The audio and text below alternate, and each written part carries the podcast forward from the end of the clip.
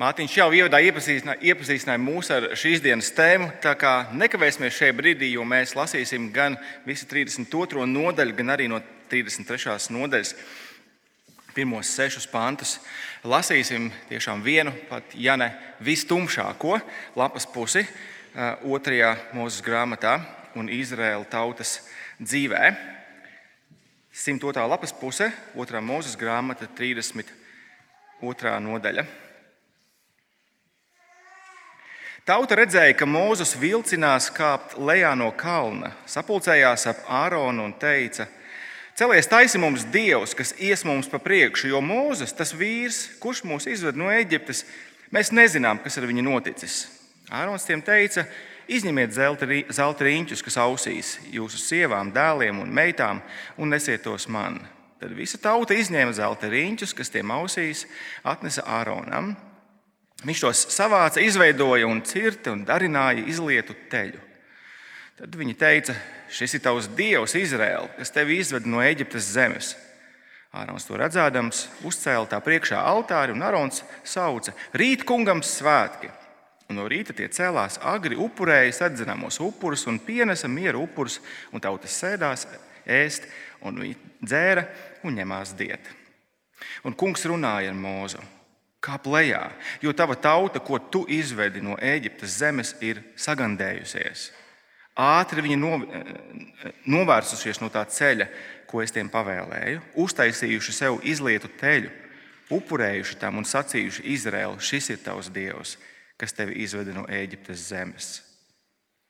Un kungs teica Mozum, Es pazīstu šo tautu, redzu, tā ir stūrgalvīga tauta, un tagad atstāja mani, un manas dusmas iedegsies pret viņiem, un es aprīšu viņus, bet tevi es darīšu par lielu tautu. Taču Mozus mēģināja pielabināt kungu, savu dievu, un teica: Kāpēc, kungs, tavām dusmām iedegties pret savu tautu, ko tu esi izvedis no Eģiptes zemes ar lielu spēku un stipru roku? Kāpēc, lai eģiptieši saka, ar ļaunu viņš tos izveda, lai nokautu kalnos un izdeldētu no zemes virsmas? Novērs savu dusmu kvēli, mitējies no ļauna pret savu tautu. Atceries savus kalpus, Abrahamu, Īzāku un Izrēlu, kuriem tu zvērēji pie sevis un sacījies, vairošu jūsu pēcnācējus kā debesu zvaigznes. Un, vis, un visu šo zemi, par ko es teicu, es došu jūsu pēcnācējiem, un viņi to iemantos uz mūžiem. Tad kungs rimās no ļauna, ko bija teicis darīt savai tautai.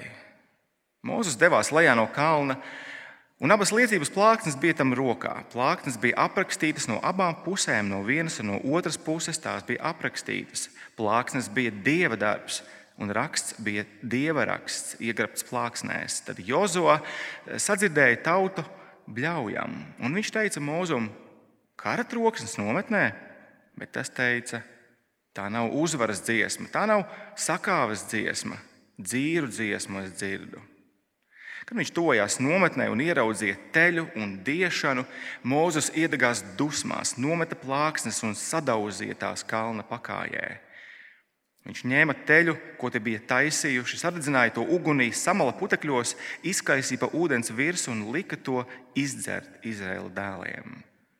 Mozus teica Āronam, ko tev šī tauta darījusi, kad tu viņus izvedi, ievedi lielā grēkā? Bet Ārons teica, lai neiedagas mana kunga dusmas. Tu taču zini, ka šī tauta ir uz ļaunu. Viņa man teica, taisi mums dievs, kuri ies mums pa priekšu, jo Mozus, tas vīrs, kurš izveda mūs no Eģiptes zemes, mēs nezinām, kas ar viņu noticis. Un es tiem teicu, kam ir zelts, tas lai noņem to, un viņi man to atdeva un es iemetu to ugunī, un iznāca šis teļš. Mozus redzēja, ka tauta ir izlaidusies, ka Ārons tos izlaidis pašiem par kaunu un viņu pretinieku priekšā. Mozus nostājās nometnes vārtos un teica: Kurš par kungu? Pie manis. Un pie viņa sapulcējās visi levīdi dēli. Un viņš tiem teica, tā saka kungs, Izraēla dievs, lai katrs vīrs liek pie gurna savu zobenu, ejiet šurpu turpu no vārtiem līdz vārtiem, pa visu nometni un kaujiet katrs savu brāli, savu kaimiņu un savu tuvāko. Lai viņi dēli darīja, kā Mozus bija teicis, un tajā dienā krita apmēram 3000 vīri no tautas. Un Mozus teica, šodien jūs esat sevi iz, iesvētījuši kungam, katrs ar savu dēlu un brāli, lai viņš šodien dod jums svētību. Pienāca rīts, un Mozus teica tautai: Jūs izdarījāt lielu grēku. Tagad es uzkāpšu pie kunga, varbūt es varu veikt izlīgumu par jūsu grēku. Un Mozus atgriezās pie kunga un teica: Tiešām šī tauta izdarījusi lielu grēku, uztaisījusi sev zelta dievu, un tagad piedod viņu grēku. Un, ja ne izdzēs mani no savas dzīvības, eh, no savas grāmatas, ko tu esi rakstījis. Un kungs teica Mozum: To, kas grēkojas pret mani, to es izdzēsīšu no savas grāmatas. Un tagad ej, vadi tautu turp, kurp es teicu Redzi, mans eņģelis ies tev pa priekšu. Un manā piemeklēšanas dienā es viņu grēku piemeklēšu. Un kungs uzlaida tautai sērgu, jo viņi bija taisījuši to teļu, ko taisīja Ārons. Kungs sacīja Mozum, ej projām no šejienes, tu un tā tauta, ko izved no Eģiptes zemes, uz zemi, ko es zvērēju Abrahamam, Īzākam un Jākabam, sacīdams, es došu to taviem pēcnācējiem Es sūtīšu tev pa priekšu eņģeli, un es izdzīšu kanāniešus, amoriešus, hetiešus, perziešus, hiviešus un jebusiešus. Ejiet uz zemi, kur piens un medus plūst, bet es neiešu ar jums, jo jūs esat stūrgalvīga tauta, ka es jūs nepiebeidzu ceļā. Un tauta dzirdēja šo ļauno vēsti, un viņi sēroja. Neviens nepalika savas, nepielika, neaplika savas rotas. Kungs teica Mozum, saka Izraēla dēliem, jūs esat stūrgalvīgi. Ja kaut mirklis iešu jūsu vidū, tad es jūs piebeigšu. Un tagad noņem savas rotas, gan, gan es zināšu, ko ar tevi darīt. Pie Horeba kalna Izraēla dēli noņēma savas rotas. Tas ir kunga vārds. Pirms mēs to pārdomājam, ļaujiet, es vadīšu mūsu īsā lūkšanā.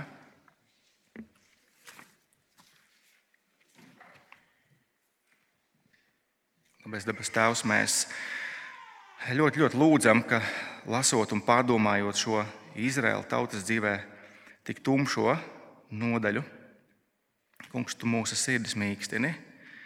Tu atdari mūsu prātus ieraudzīt, cik baisa, cik uh, necilvēcīga ir elku kalpošana. Un Kungs dāvā mums spēju un gribu uh, pieķerties vienīgi Tev. Jēzus vārdā Amen. Man šķiet, ka šajā rudenī būs jau seši gadi, kopš mēs šeit pārdaugavā esam kopā. Seši gadi. Un es domāju, daudzu citu lietu vidū jūs piekritīsiet, mēs esam atklājuši to, cik Bībeles studija īstenībā ir grūta padarīšana. Izdibināt, ko bieži e, saka, Bībele nav nemaz tik viegli. Un mēs atverot Bībeli, katru reizi uzdodam vienus vairāk vai mazāk un tos pašus jautājumus. Pareizi, kas tur ir teikts, ko tas nozīmē un ko tas nozīmē mums šodien. Bet kam ir jānotiek, lai Bībeles studija noietu no sliedēm? Iespējams, tu kādreiz esi bijis vai bijusi eh, šādā sajietā, kur pie piparmētru tējas nepiespiestā atmosfērā cilvēki brīvi dalās ar savām domām par to, kāds ir Dievs. Kāds saka, man patīk domāt par Dievu kā mīlošu tēti vai mīlošu vectēvu. Cits turpina, man patīk domāt par Dievu kā žēlsirdīgu draugu. Un vēl kāds cits piemetīja, man patīk domāt par Dievu kā par stipru aizstāvi un vienmēr klātesošu palīgu. Un patiešām pašām par sevi sarunām par Dievu pie piparmēta tējas nav pilnīgi nekādas vainas. Īpaši, ja šajā grupā ir kāds, kurš kā gādā, lai teiktais, lai teiktais izriet no tā, ko mēs ieraugām Bībelē. Bet ja nu šāda cilvēka grupā nav, un ja nu sarunās par Dievu Bībele paliek cieta, tad mēs varam teikt, ka Bībeles studija sāk iet no sliedēm. Agrāk vai vēlāk cilvēki savā sarunās sāks veidot dievu saskaņā ar savu iztēli un to, kas viņiem patīk. Cilvēki radīs elku. Elks savā būtībā visīsāk ir vienkārši dieva aizstājējs. Dieva aizstājējs, kas galu galā nosaka tavu identitāti un kas nosaka tavas dzīves virzienu. Tas ir elks lielos vilcienos. Draugi, tieši tas notiek ar Izraēlu tautu mūsu raksturvietā. Tēlaini izsakoties, Bībeles studija ir nogājusi no sliedēm. Mēs redzam, Mozus un Jozua ir aizkavējušies kalnā kur, kur Mozus saņem eh, visai detalizētus norādījumus par sajiešanas telts celtniecību, bet, bet Ārons, šis vadītājs, kurš palicis pakājē, galīgi nespēja noturēt mugurkaulu Bībeles studijas praktiskajā pielietojumā. Es nedaudz ilustrāciju pastiepju. Ja? Kas notiek Izraels ar Ārona palīdzību izveidot dievu pēc sava prāta? Un man šķiet, ka autors grib, lai mēs saprotam, ka runa šeit nav par niansēm dieva vārda interpretācijā. Nē, Izraels ir izveidojis un pielūdz pašizdomātu dievu. Kādas tam ir sekas? Mēs ieraugām mūsu raksturvietā, ka pielīdzinot dievu zelta teļam, Izraela dzīve noiet no sliedēm. Viņi kļūst, kā atkal un atkal Dievs saka, stūrgalvīgi dzīvnieki. Kas stūrgalvīgs teļš? Un kāds tam ir rezultāts? Galu galā rezultāts ir traģisks. Mēs redzam, ļoti daudz cilvēki mirst. Viņi ir bojā kunga kvēlo dusmu dēļ. Un kādā ziņā šis stāsts par Izraēlu šausminošo algdievību ir saistošs mums? Varbūt kāds no jums atcerās vēl pirms pāris gadiem, kad studējām Pāvila pirmo vēstuli korintiešiem. Pāvils ļoti zīmīgi atsaucās uz šo epizodi, desmitajā nodaļā. Viņš runāja, viņš konfrontēja Korintas kristiešu izvērtību, un darot to, Pāvils brīdināja viņus no kā? Tieši no elku kalpības bīstamības. Es atceros, kā pirmā korintiešiem Bībeles studiju izskaņā mēs īstenībā sirsnīgā pazemībā visi varējām teikt, paldies Dievam, ka mēs, ka mēs neesam tādi kā korintieši. Mēs tiešām varējām priecāties. Neviens neguļ ar savu pamāti, neviens nemeklē laimi lienas ielā. Mēs neesam tādi kā korintieši. Un tomēr, draugi, Izraēla zelta teļa piemērs atklāja to, cik pašiem nemanot mēs varam būt tik tuvu elku pielūgšanai savā dzīvē. Un tādēļ, kā Pāvils saka, 1. korintiešiem, kurus mēs vēl atgriezīsimies, kurš iedomājas, ka viņš stāv, lai raugās, ka nekrīt. Patiešām šīs nodaļas nolūks ir skaļš un tas ir skarbs. Tas ir skarbs brīdinājums, nekļūstiet par elku pielūdzējiem kā Izraels. Atkrītot no Jēzus asinīm, tās jums nepalīdzēs. Tad divos piegājienos ieraudzīsim vispirms elka kalpošanu, elgdievību un tās šokējošās sekas, un pēc tam domāsim par elgdievību un tās šokējošo rezultātu. Pirmais - elgdievība un tās šokējošās sekas. Tu esi tas, ko tu pielūdz. Par to pirmie deviņi panti. Tas, ko mēs ieraugām šajos deviņos pantos, ir, ka pielīdzinot radītāju dievu, radītāju būtnei, šim zelta teļam, tautas dzīve noiet no sliedēm, un viņi paši kļūst līdzīgi šim teļam. Vēlreiz eh, paķersim līdzi stāstu no 32. nodaļas. Kamēr Mozus kalnā saņem šo detalizēto plānu sajiešanas teltī un tās kalpošanai, par ko mēs dzirdējām iepriekšējā reizē, Izraels kļūst nepacietīgs. Tauta redzēja, ka Mozus vilcinās kāpt lejā no kalna, sapulcējās ap Āronu. Un ko tad viņi teica Āronam? Celies, taisi mums Dievs, kas ies mums pa priekšu, jo Mozus, tas vīrs, kurš mūs izveda no Ēģiptes, mēs nezinām, kas ar viņu noticis. Acīm redzot, spiediens uz Āronu bija tik pamatīgs, ka viņa mugurkauls nošķobās. Otrais pants - Ārons pavēl viņiem sanest ko sajiešanas teltī, dievu kalpošanai domāto zeltu, lai izgatavotu no tā zelta teļu. Un mēs ar muguras smadzenēm jūtam, ka kaut kas te nebūs labi. Kaut kas te ir ritīgi nepareizi. Bet ko tieši Izraels un Arons šeit izdara? Es domāju, viens mums ir skaidrs, pareizi šeit notiek, un tas, kas šeit notiek, ir algdievība. Bet varbūt grūtāk ir nodefinēt tieši kādā veidā. Pirmie brīdī izskatās, ka Izraels savā sirdī un savā domās vienkārši atgriežas Eģiptē. Viņi atgriežas Eģiptē un viņi pielūdz Eģiptes dievus. Ir, ir pat virkne ar tulkojumiem, kas tieši tā arī saka, taisi mums dievus. Bet ne visi tulkojumi. Tas ir tas, kas izskatās pirmajā brīdī. Un, proti, mēs domājam par teļu, jeb būli. Tas ir ļoti zināms pagānu auglības dievs, jeb dievība. Un tā vien izskatās, ka Izraels ir skaidri pārkāpis šo pirmo svarīgo bausli no desmit, ko kungs viņiem deva pirms brīža. Lai tev nav citu dievu bez manis. Bet, draugi, lieta kļūst sarežģītāka, kad mēs rūpīgāk iedziļināmies tekstā mūsu priekšā. Pievērsiet uzmanību vairākām detaļām. Ārons uzražo nevis bariņu ar dieviem, ne viņš uzražo vienu, viņš izlaiž zelta teļu Bet tas nav viss. Ieskatieties, pirmajā pantā izskatās, ka Izraels joprojām tic Dieva apsolījumam par zemi.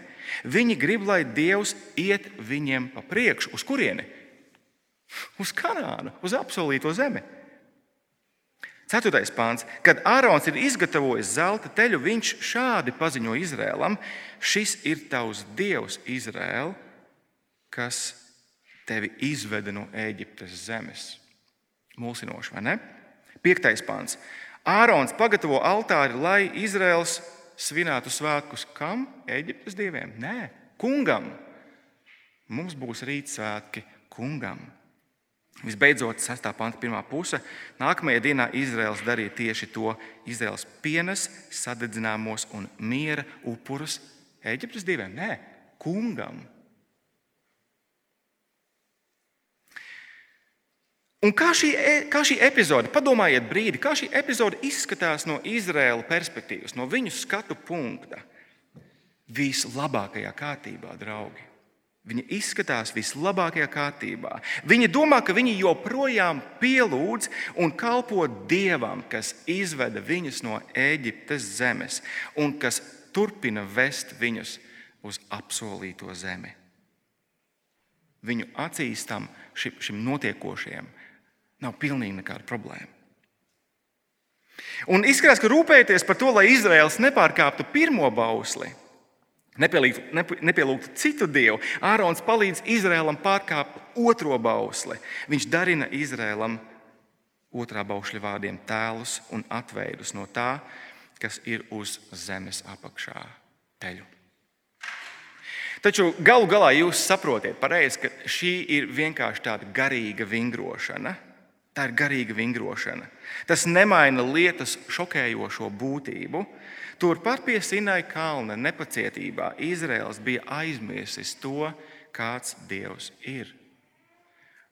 Un ir izveidojis Dievu pēc savas iztēles. Vai jūs ieraugāt to, cik šokējoša šī epizode ir, cik skumja, cik tumša lapas puse Izraēla tautas vēsturē šī ir? Tauta salauž dieva sirdi, jo tā salauž dieva derību. Ieskatieties 7. pantā. Un, kad kungs runāja ar mūzu, tad kungs runāja ar mūzu, kāp lejā, jo tava tauta, ko tu izvedi no Eģiptes zemes, ir sagānījusies. Ātri viņi ir novērsušies no tā ceļa, ko es tiem pavēlēju, un uztaisījuši sev izlietu teļu, upurējuši tam un sacījuši: Izraēl, šis ir tavs dievs, kas tevi izvedis no Ēģiptes zemes. cik skumji, cik ātri, cik sirdi plosoši. Dievs taču bija tas, kurš ar varanām zīmēm un brīnumiem, ar spēcīgu roku viņus izveda no Eģiptes zemes. Ar sausām kājām viņi tikko bija pārgājuši pirms mēneša eh, pār sarkano jūru. Eh, tas viss pateicoties Jahves klātbūtnei, mākoņa stabā dienā un uguns stabā naktī. Un viņi ir saņēmuši skaidru atklāsmi pie Sinaja kalna par to, kāds ir Dievs un ko viņš sagaida no Izraēla. Kā? Un viņi ir aizmirsuši 20. nodaļas, 22. panta norādījumus, ko kungs teica Mozum. Saki, tā saki Izraēla dēliem, jūs redzējāt, ko es runāju ar jums no debesīm. Netaisiet man sudraba un zelta dievus Netaisiet to sev. Cik ātri. Bet nu viņi ir lauzuši derības attiecības ar Dievu. Sanasot teltī domāto zeltu, izlaiot zelta teļu pretēji Dieva gribai atklātajai, un Mozus nodemonstrē to, salaužot derības plāksnes kalna pakājē, 19. pantā. Tas ir tas, ko Mozus izdara. Bet, draugi, redziet, izlietais zelta teļš nebija vienīgais, kas raksturo kalna pakājē esošos ļaudis. Izrādās, viņu skatījums uz Dievu ietekmēja to, ko viņi dara. Kāpjot lejā no kalna, mēs redzam, Jozo nekādi nevarēja atpazīt cilvēku radīto troksni 17. pantā, bet Mozus 18. 18. pantā gan atpazīst. Viņš saka, tā nav uzvaras dziesma, tā nav sakāves dziesma. Dzīru dziesmu es dzirdu. Un sastā panta otrā puse mēs ieraugām. Pēc tam, kad tauta bija upurējusi sadedzināmos un miera upurus kungam, tauta sēdās ēst, un viņi dzēra un ņēmās diet, dejot. Šeit man ir jāpiemetina, draugi, ka teikums, šis teikums, tauta ņemās eh, ēst, dzert un diet oriģinālā valodā, nu galīgi mums neļauj uzlūkot notiekošo eh, kā pirmos vispārējos dziesmu un deju svētkus Izrēlam. Nē, Pavisam atklāti un skaidri runājot, šeit runa ir par seksuāla rakstura orģijām, kuras mums absolūti nav nepieciešams iztirzāt sīkumos šajā brīdī. Bet tas ir tas, par ko šis pants runā. Tu esi tas, ko tu pielūdz. Un tā bija tik liela patiesība attiecībā uz Izraēlu. Izraēla apmainītā dieva godība pret parastu vērsi, kas ēd zāli, ir padarījis viņus pašus līdzīgus stūrgalvīgiem dzīvniekiem. Izveidojot dievu pēc sava prāta, Izraels ar vienu kāju gribēja stāvēt uz dieva apsolījumiem. Ejam uz dieva apsolīto zemi, bet ar otru kāju viņi bija pasaulē. Un Bībele sauc to par dalītu sirdi. Vēlreiz atcerieties, kā apustulis Pāvils konfrontēja šādu pasaulīgumu Korintas draudzē. Viņš burtiski, viņš burtiski desmitajā nodaļā kopsavilka Izraēla iziešanas stāstu līdz pat šai epizodei, līdz pat 22. nodaļas vēstījumam, ar piebildi. 1. korintiešiem 10. nodaļa, 6. pāns. Tas ir noticis mums par zīmi. Lai mēs netīkotu pēc ļaunā, kā tīkoja viņi, Nekļūstiet arī par elku pielūdzējiem, kā daži no viņiem, kā ir rakstīts. Tauta apsēdās, ēst un dzert, un cēlās un līksmojās. Neļausimies izvērtībai, kā daži no viņiem ļāvušies. Un daudz neaizmirsīsim, ka Pāvils šo saka kristiešiem. Pāvils raksta kristiešu draugai. Paturēsim to prātā. Bet sakiet, vai nav līdzīgi arī šodien. Daži cilvēki labprāt bauda svētības, ko ir iespējams saņemt draudzē, bet galīgi negrasās būt attiecībās ar Dievu uz noteikumiem, kādus ir uzstādījis Viņš. Vai arī viņi grib Dieva svētības līdz ar ļaušanos dažādām, dažādām baudām. Viņi grib dieva atdošanu, bet viņi negrib paklausīt dieva gribai. Pāris piemēri. Nu, iedomājies, ka tu aiz, aiz, aiz neko darīt, skrolē Instagram bildes, un tu skaties, un, un vasara nāk, un tu skaties, eh, kur, kur tavi draugi, un, un kur tavi brāļi, māsas pavada savus atvaļinājumus, un, un, un tā tālāk. Un, un tu priecājies, protams, eh, un, un, un, un, un tu to dari. Un tad vienā brīdī tu, tu uzduries uz bildēm ar pazīstamu neprecētu kristiešu pāri. Eh, jaunos peltkostīmos, divvientulīgās brīvdienās, eksotiskā zemē. Brālis un māsa kopā divi vien bauda dieva labās dāvanas, esot neprecēti. Un tev parādās vairāki jautājumi par šo tēmu. Pareizi. Bet šķiet, ka galvenajam jautājumam būtu jābūt, kādam dievam jūs, mīļie draugi, ticat? Un, kad viņi atgriežas no skaistajām brīvdienām, tu pēc svētdienas dievkalpojuma aprunājies ar viņiem un tu pavaicā, Kā jums šķiet, ko Dievs domā par jūsu labi pavadīto laiku Maļorkā? Un tad viņa atbild, smaidot, un tiešām ar patiesu sirsnīgu smaidu mēs ticam, ka Dievs ir mīlestība un ka Viņš grib, lai mēs esam laimīgi. Kā šis pāris uztver notiekošo un savas dzīves pieredzi šajā brīdī, pilnīgi normāli. Viņi uztver pilnīgi normāli šo. Kāpēc? Jo pašiem nemanot, viņi ir radījuši dievu pēc savas iztēles un prāta. Cik interesanti, ka šis dievs vienmēr gribēs tieši to, ko grib abi mīlnieki. Viņš grib, lai mēs esam laimīgi uz mūsu noteikumiem. Labi, šis bija pavisam viegls piemērs. Šis bija acīm redzams piemērs, draugi, bet ir situācijas, kurās mums ir grūtāk pamanīt. Mums ir grūtāk pamanīt zelta teļa dievu. Piemēram, Dievu, kurš ir apžēlošanas dievs, kurš nevienu nekad netiesātu.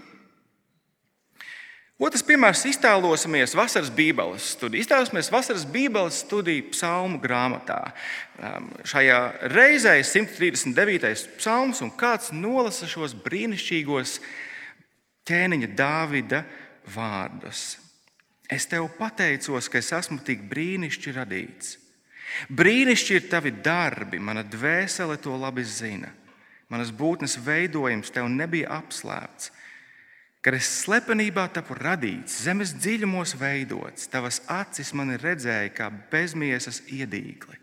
Un tavā grāmatā bija rakstītas visas manas dienas, jau noteiktas, ka to vēl nebija nevienas.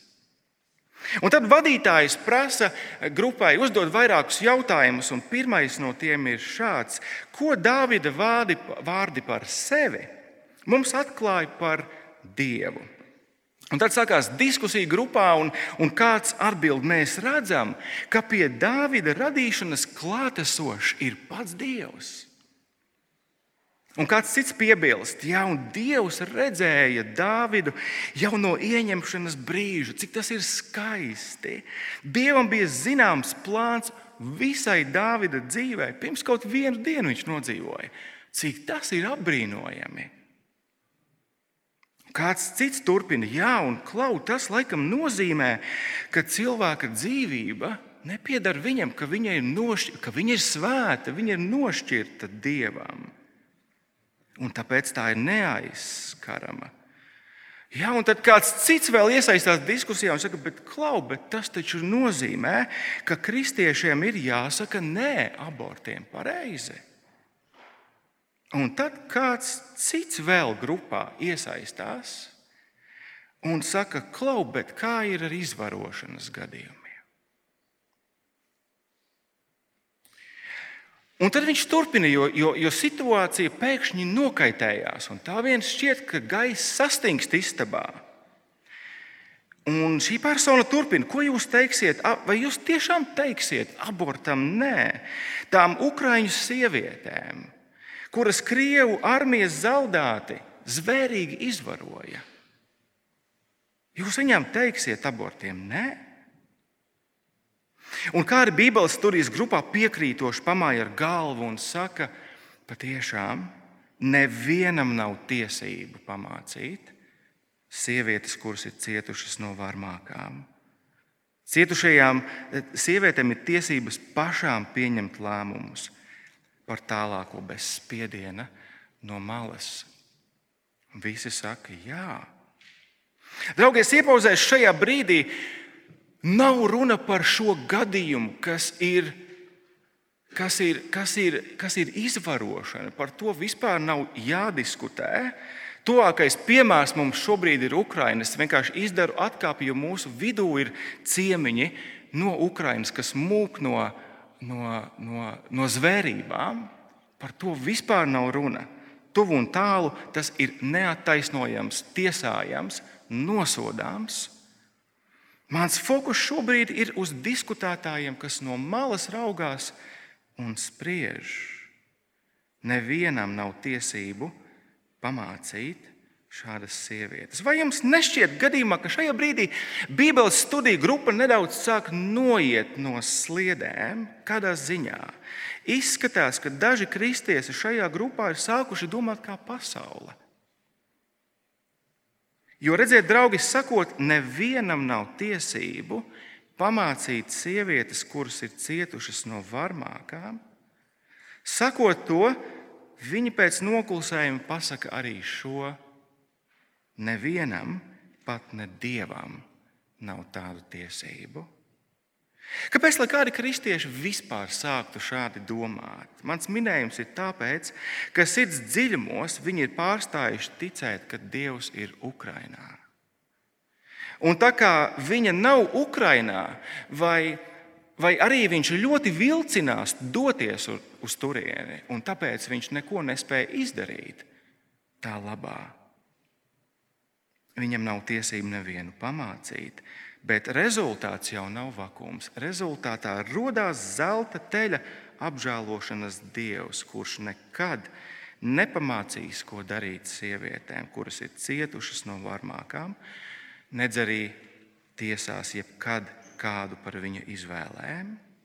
Un interesanti būtu domāt, kāda, kāda, kādi būtu praktiskie kompromisi vēl tālāk pa taciņu šādu cilvēku dzīvē, kas sāk šādi spriest. 32. nodaļas pirmais pāns vēlreiz. Tauta redzēja, ka Mozus vilcinās kāpt lejā no kalna. Sapulcējās ap Āronu un teica, Celies taisi mums Dievs, kas ies mums pa priekšu. Kā tas salauž Dieva sirdi, kā tas salauž attiecības ar Dievu, kā tas sagandē visu dzīvi. Draugi, tu esi tas, ko tu pielūdz. Mūsu skatījums uz Dievu neizbēgami mainīs mūsu attieksmi, mainīs mūsu dzīvesveidu galu galā. Bet atlikusī raksturvieta atklāja to, ka šāds dzīvesveids nepaliks nepiefiksēts, un tam ir traģisks rezultāts. Sekas bija šokējošas. Cilvēki kļūst līdzīgi tam, viņi, tam ko viņi pielūdz, bet rezultāts ir traģisks, jo cilvēki mirst. Tā ir otrā lieta. Pavisam īsi. Algdievība un tās traģiskais rezultāts.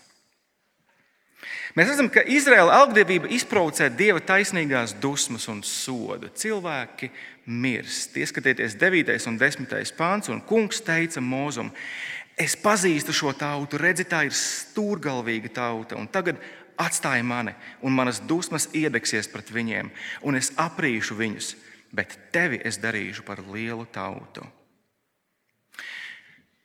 Ko mēs redzam šajā stāstā? Izrādās par lielu lielu pārsteigumu, ka Dievs ir tāds, kādu viņ, kāds viņš, eh, kādu viņš sevi atklāja. Nevis tāds, kādu viņu iztēlojas Izraels pie Sinaja kalna. Dievs tik tiešām ir greizsirdīgs. Viņš ir greizsirdīgs tāpēc, ka viņš ir gan mīlošs, gan svēts. Viņš ir gan žēlsirdīgs, gan taisnīgs. Izraels ir salauzis derības attiecības ar Dievu.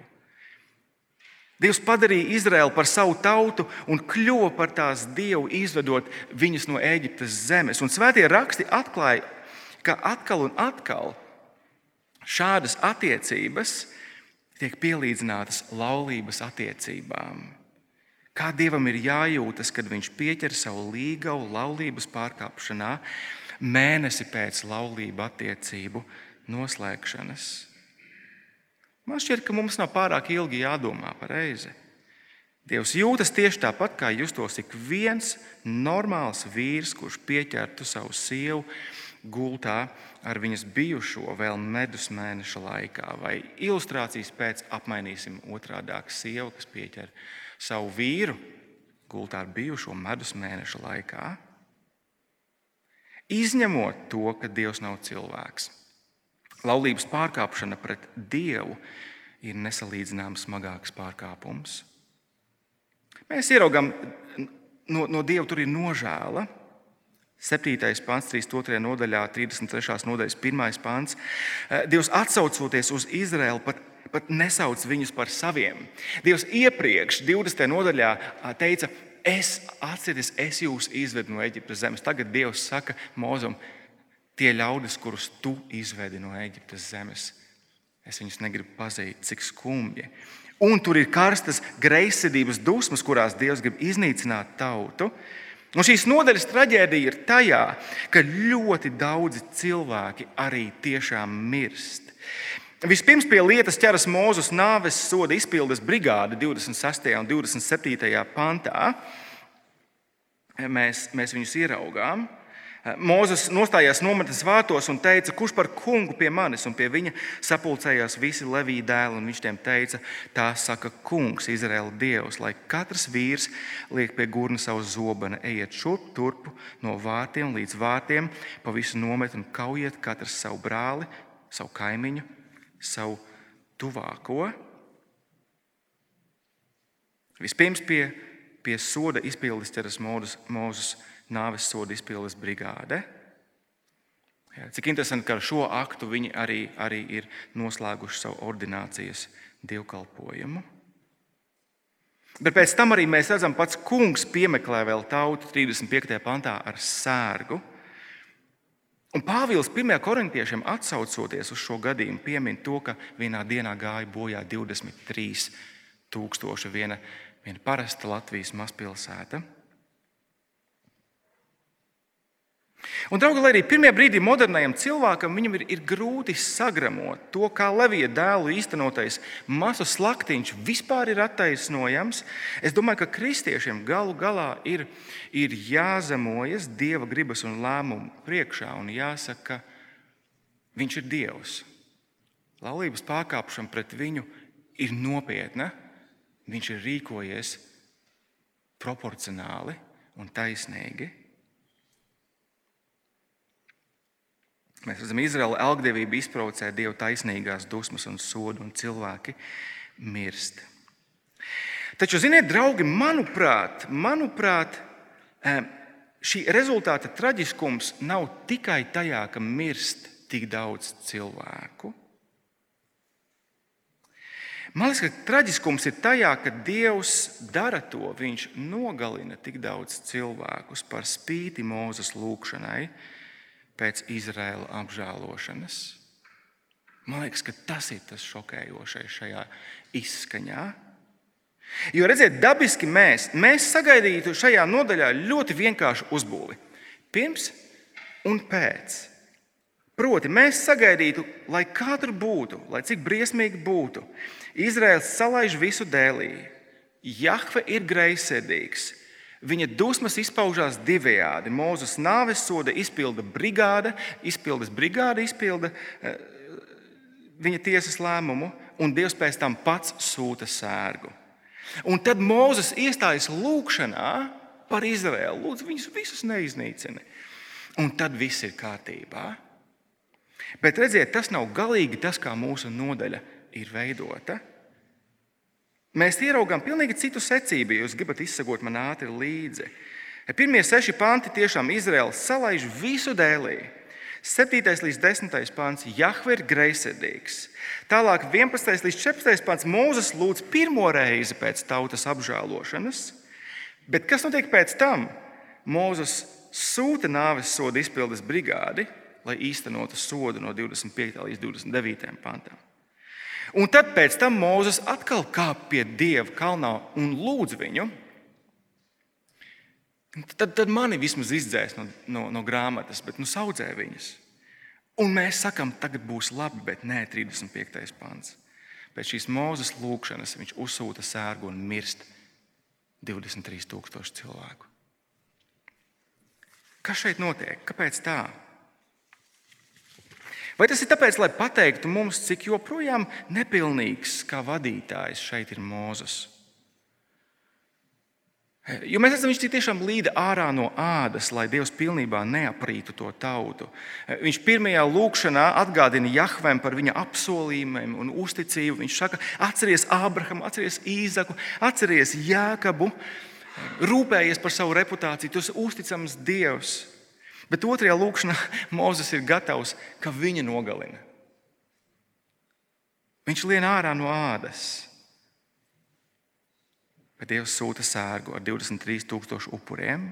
Vai tas ir apliecinājums tam, ka mūzum neizdevās nodzēst Dieva taisnīgās dusmas, un tāpēc Dieva ļaudīm ir vajadzīgs labāks starpnieks, Jēzus.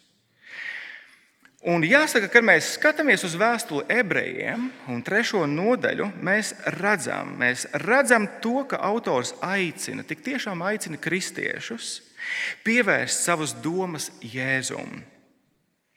Jo Jēzus salīdzinājumā ar mūzu autors saka, ir lielāks. Jēzus ir uzticams augstais priesteris. Tāpēc Jēzus spēja sagādāt īsto gaidāmo mieru, jeb atdusu visiem, kas paļaujas uz viņa darbu. Un, draugi, šī ir svarīga svēto rakstu patiesība. Tā iedrošina ikvienu drabošu sirdi, kas izmeklē sevi Dievu priekšā. Bet, bet es nedomāju, ka otrās mūzes autors šeit ir iecerējis gluži šo pielietojumu. Parādīt, ka mūzum neizdevās apdzēst Dieva dusmas. Un tāpēc mums ir jāpieķeras labākam starpniekam. Jo īstenībā eh, Mozus grāmatas kontekstā mēs ieraudzīsim, ka Mozum īstenībā diezgan labi izdevās būt par starpnieku. Tas galīgi nav tas, ko Mozus grāmata šeit mums pasaka tālāk. Mozum viss ļoti labi izdevās. Tad kas ir par lietu? Kāpēc mums ir šāds vēstījums? Kāpēc es saku, ka tas nav uzreiz tūlītējs pielietojums? Tāpēc, ka manuprāt, manuprāt svētā gara nolūks šai 32. nodaļai ir likt eh, lasītājiem sajust šo sāpīgo sitienu. Sajust šo skaļo brīdinājumu, šo brīdinājumu šāviņu, brīdināt no pašpaļāvīgas alka kalpošanas, kas saka, ai, Viss plūst un mainās, viss ir kārtībā. Pirmā korintiešiem vēlreiz desmitā nodaļa, tā domāja korintieši. Un Pāvils saka, tas, kas šeit ir noticis ar Izrēlu, kā viņi mira, taisnīgi saņemot sodu, tas viss ir noticis mums par zīmi. Lai mēs netīkotu pēc ļaunā, kā tīkoja viņi. Nekļūstiet arī par alku pielūdzējiem, kā daži no viņiem kā ir rakstīts, tauta apsēdās ēst un dzert un cēlās līksmoties. Neļausimies izvērtībai, kā daži no viņiem ļāvušies, un vienā dienā gāja bojā 23,000. Tad kāds ir galu galā šodienas galvenais pielietojums? Tas ir šāds: nemēģini savienot elku kalpošanu ar kalpošanu dievam. Nedari to! Nemēģini, neesi pašpaļāvīgs šajā jomā, galīgi lūdzu. Nē, kāpēc? Jo tad Jēzus asinis tev nepalīdzēs. Man liekas, tas ir tas, ko Pāvils reāli desmitajā nodaļā pasaka korintiešiem. Tas brīdinājums viņiem. Šie vārdi ir jādzird, draugi, jādzird kādam, kurš domā, ka viņš varēs būt svētdienā baznīcā, bet pa nedēļu draudzenes gultā. Jēzus tev nepalīdzēs. Šie, šie vārdi ir jādzird kādam, kas, kas domā, ka viņš varēs kalpošanu Dievam apvienot ar dažādu slepenu kārību, kultivēšanu savā dzīvē, kuras tāpēc neviens neredzēs, nesapratīs. Jēzus tev nepalīdzēs. Šis ir jādzird kādam, kurš, kurš domā, ka viņš varēs turpināt nākt svētdienā uz baznīcu un, un atlikušajā nedēļā. Gluži vienkārši dzīvot tikai un vienīgi sev.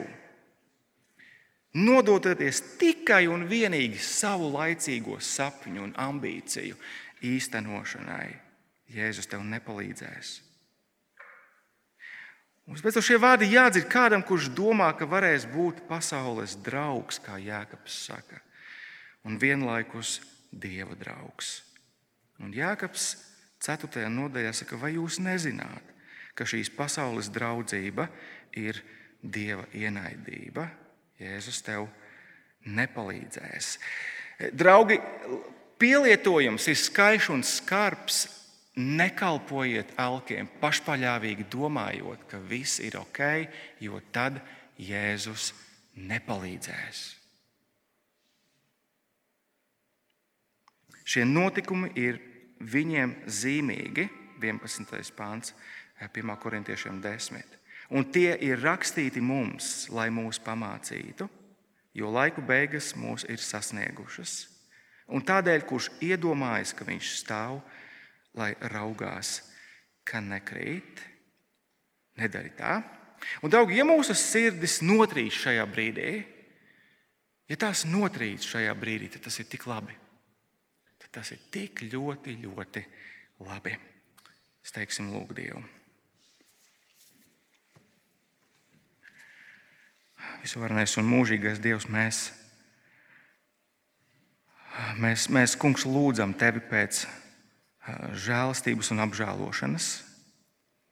Kungs, mēs zinām, kādi mēs esam tavu vārdu gaismā, cik ātri mēs, kā tevi, tevis dārgi izglābtie ļaudis, ar, ar Jēzus asinīm atpiktie ļaudis, cik ātri mēs varam sākt domāt kā pasaule, cik ātri mēs varam sākt runāt kā pasaule, cik ātri mēs varam sākt rīkoties kā pasaule. Un Dievs, paldies par šo skaļo un skarbo brīdinājumu.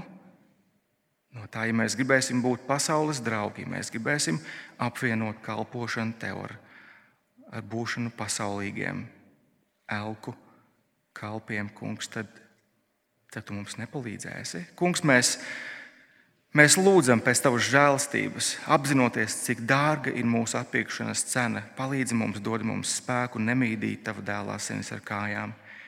Kungs, nebradāt pār tām.